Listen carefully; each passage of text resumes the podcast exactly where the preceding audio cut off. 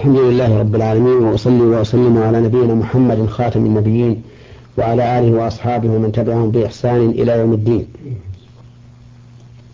أما بعد أيها المسلمون الكرام فهذه الحلقة الثالثة والعشرون بعد المئة من حلقات من أحكام القرآن الكريم. نكمل فيها ما بقي من فوائد الآية الكريمة السابقة في الحلقة الماضية قوله تعالى قد نرى تقلب وجهك في السماء فلنولينك قبلة ترضاها. فول وجهك شطر المسجد الحرام. وحيثما كنتم فولوا وجوهكم شطره. وإن الذين أوتوا الكتاب لا يعلمون أنه الحق من ربهم وما الله بغافل عما يعملون. انتهينا إلى قوله تعالى وحيثما كنتم فولوا وجوهكم شطره. وبينا أنه يجب على المصلي أن يستقبل القبلة وأنه يستثنى من ذلك. أربع مسائل. بيناها فيما سبق. ومن فوائد هذه الآية الكريمة وأحكامها أن أهل الكتاب يعلمون الحق الذي جاء به النبي صلى الله عليه وعلى آله وسلم ولكنهم معاندون مستكبرون. وقد قال الله تعالى في آية أخرى إنهم يعرفون النبي صلى الله عليه وعلى آله وسلم كما يعرفون أبنائهم وذلك بما ذكر من أوصافه عندهم التي لا تنطبق على بشر سواه.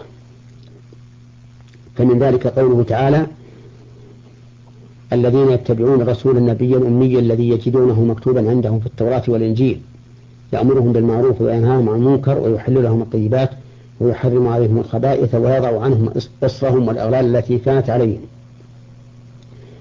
فإن هذه الأوصاف منطبقة تماما على رسول الله صلى الله عليه وسلم الهاشمي القرشي وهم يعلمون ذلك.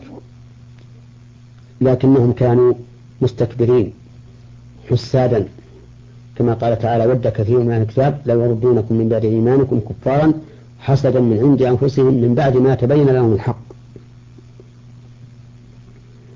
ومن فوائد هذه الآية الكريمة وأحكامها ذم من علم الحق ولم ولم يتبعه وتعريض نفسه للعقوبة لقوله تعالى وما الله بغافل عما يعملون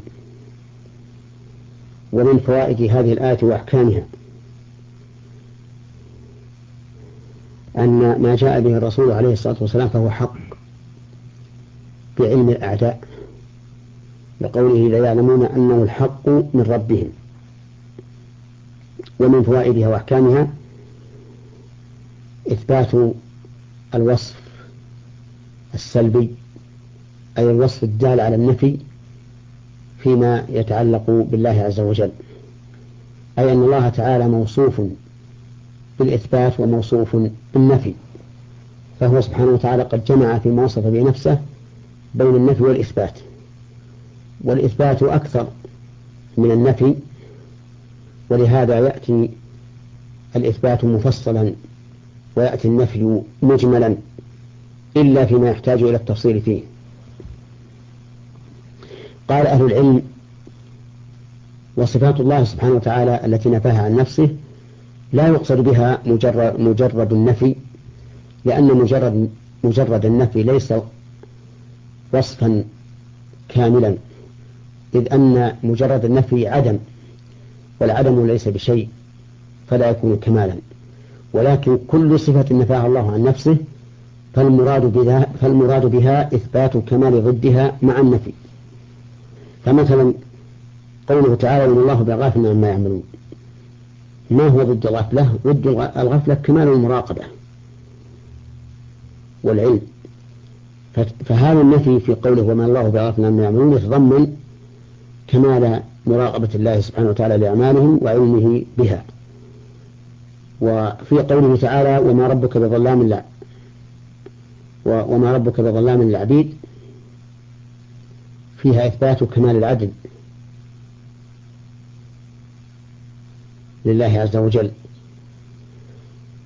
وفي قوله تعالى وما كان الله ليعجزه من شيء في السماوات ولا في الأرض فيها إثبات كمال القدرة. وهلم جرا. فلا يمكن أن تجد نفيا محضا في صفات الله. وتعليله ما ذكرنا. أن النفي المحض عدم محض والعدم المحض ليس فيه كمال. بل كل ما نفى الله عن نفسه فالمراد به ذلك النفي و وما تضمنه من كمال الصفة التي هي ضد ذلك النفي. ثم قال تعالى ولئن أتيت الذين أوتوا الكتاب بكل آية ما تبعوا قبلتك. وما أنت بتابع قبلتهم وما بعضهم بتابع قبلة بعض ولئن اتبعت أهواءهم بعد ما جاء من بعد ما جاءك من العلم إنك إذا لمن الظالمين. ولئن أتيت الذين أوتوا الكتاب الخطاب للرسول صلى الله عليه وسلم بكل آية أي بكل دليل على ما أتيت به ما تبعوا قبلتك.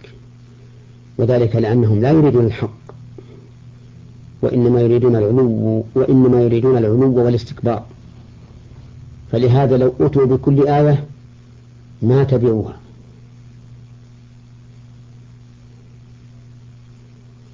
وما أنت بتابع قبلتهم.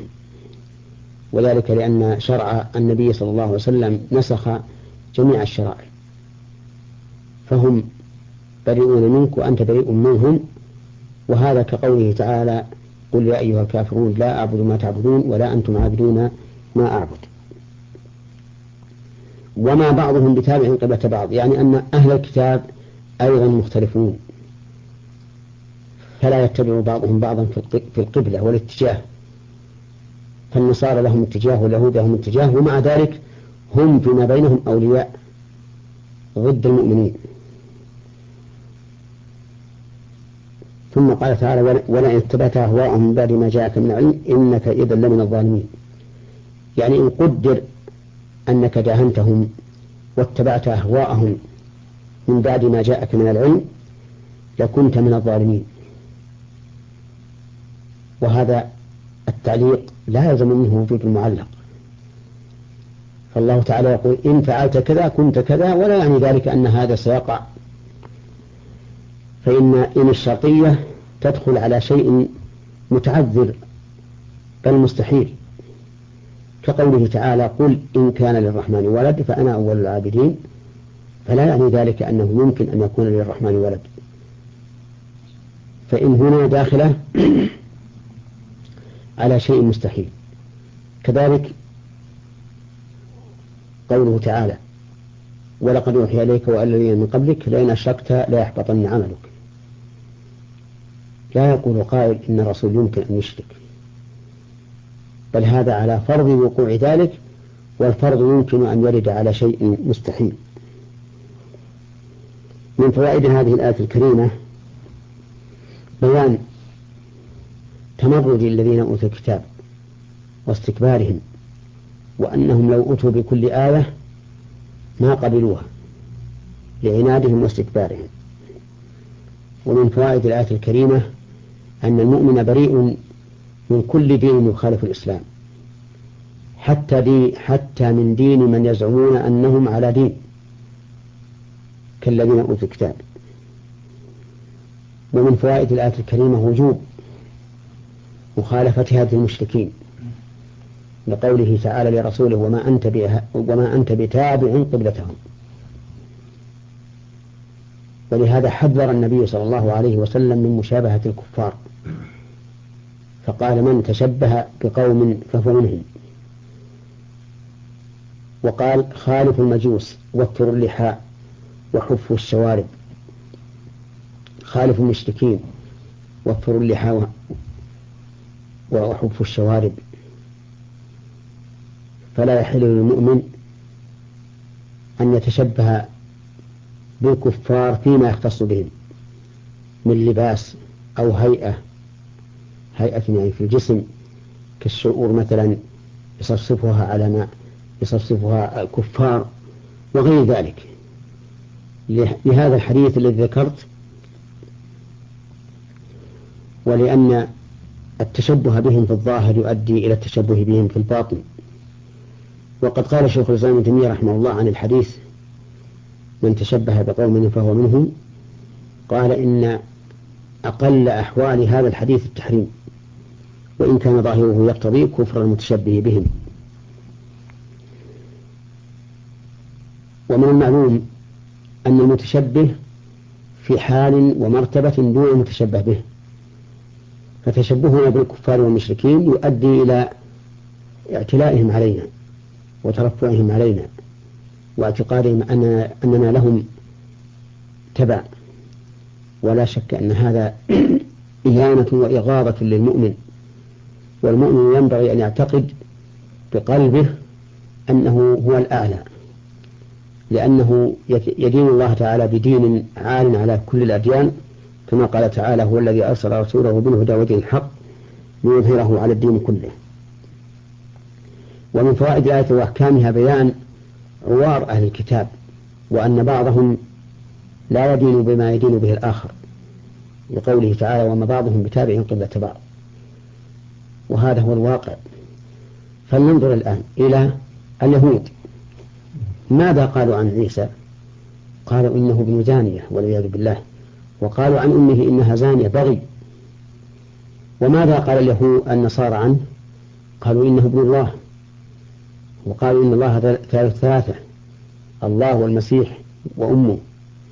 فتجد الطرفين متناقضين بينهما أكثر مما بين المشرق والمغرب. وقال المسلمون في عيسى بن مريم وأمه إن عيسى بن مريم عبد الله ورسوله وكلمته ألقاها إلى مريم وروح منه وأن أمه مريم صديقة. أبعد ما يكون عما رمى به اليهود. ومن فوائد الآية الكريمة التحذير من متابعة أهواء أهل الكتاب لأن النبي صلى الله عليه وسلم حذر منه وما حذر منه الرسول فهو محذر فنحن محذرون منه. ومن فوائد الآية الكريمة الإشارة إلى أن ما قاله أهل الكتاب من الحق فلا حرج علينا باتباعه لأنه قال لأن الله قال ولئن اتبعت أهواءهم. فأما ما جاءوا به من الحق فإننا نقبله لأن الحق يقبل من كل من جاء به. ولهذا لما جاء الحبر إلى رسول الله صلى الله عليه وآله وسلم وقال يا محمد إن نجد أن الله تعالى يجعل السماوات أن الله تعالى يجعل السماوات على إصبع والأراضين على إصبع. وذكر تمام الحديث. ضحك النبي صلى الله عليه وعلى آله وسلم تصديقا لقوله وقرأ وما قدر الله حق قدره والأرض جميعا قبضته يوم القيامة والسماوات مطويات بيمينه. سبحانه وتعالى عما يشركون. ومن فوائد الآية الكريمة أنه يشترط العلم لتأثيم الإنسان. لقوله وإن اتبعت أهواءهم من بعد ما جاءك من العلم. فلا يؤثم الإنسان بفعل شيء هو جاهل به. ويدل لهذا الأصل العظيم أن الله تعالى قال وليس عليكم جناح فيما أخطأتم به ولكن ما تعمدت قلوبكم. وقال جل وعلا ربنا لا تؤاخذنا إن نسينا وأخطأنا. فقال الله تعالى قد فعلت. وقال تعالى وما كنا معذبين حتى نبعث رسولا. وقال تعالى وما كان ربك مهلك القرى حتى يبعث في أمها رسولا يتلو عليهم آياتنا. وما كنا مهلك القرى إلا وأهلها ظالمون. وقال تعالى رسلا مبشرين ومنذرين لئلا يكون للناس على الله حجة بعد الرسل. وقال تعالى وما أرسلنا من قبلك وما أرسلنا من رسول إلا بلسان قومه ليبين لهم. والآيات في هذا كثيرة تدل على أنه لا تأثيم مع الجهل. وهذا من رحمة الله تعالى بالعباد أن لا يؤثمهم بما يجهلونه لأن الإنسان ضعيف وبشر. وإلى هنا ينتهي القول في هذه الآية الكريمة وإلى حلقة قادمة والسلام عليكم ورحمة الله وبركاته.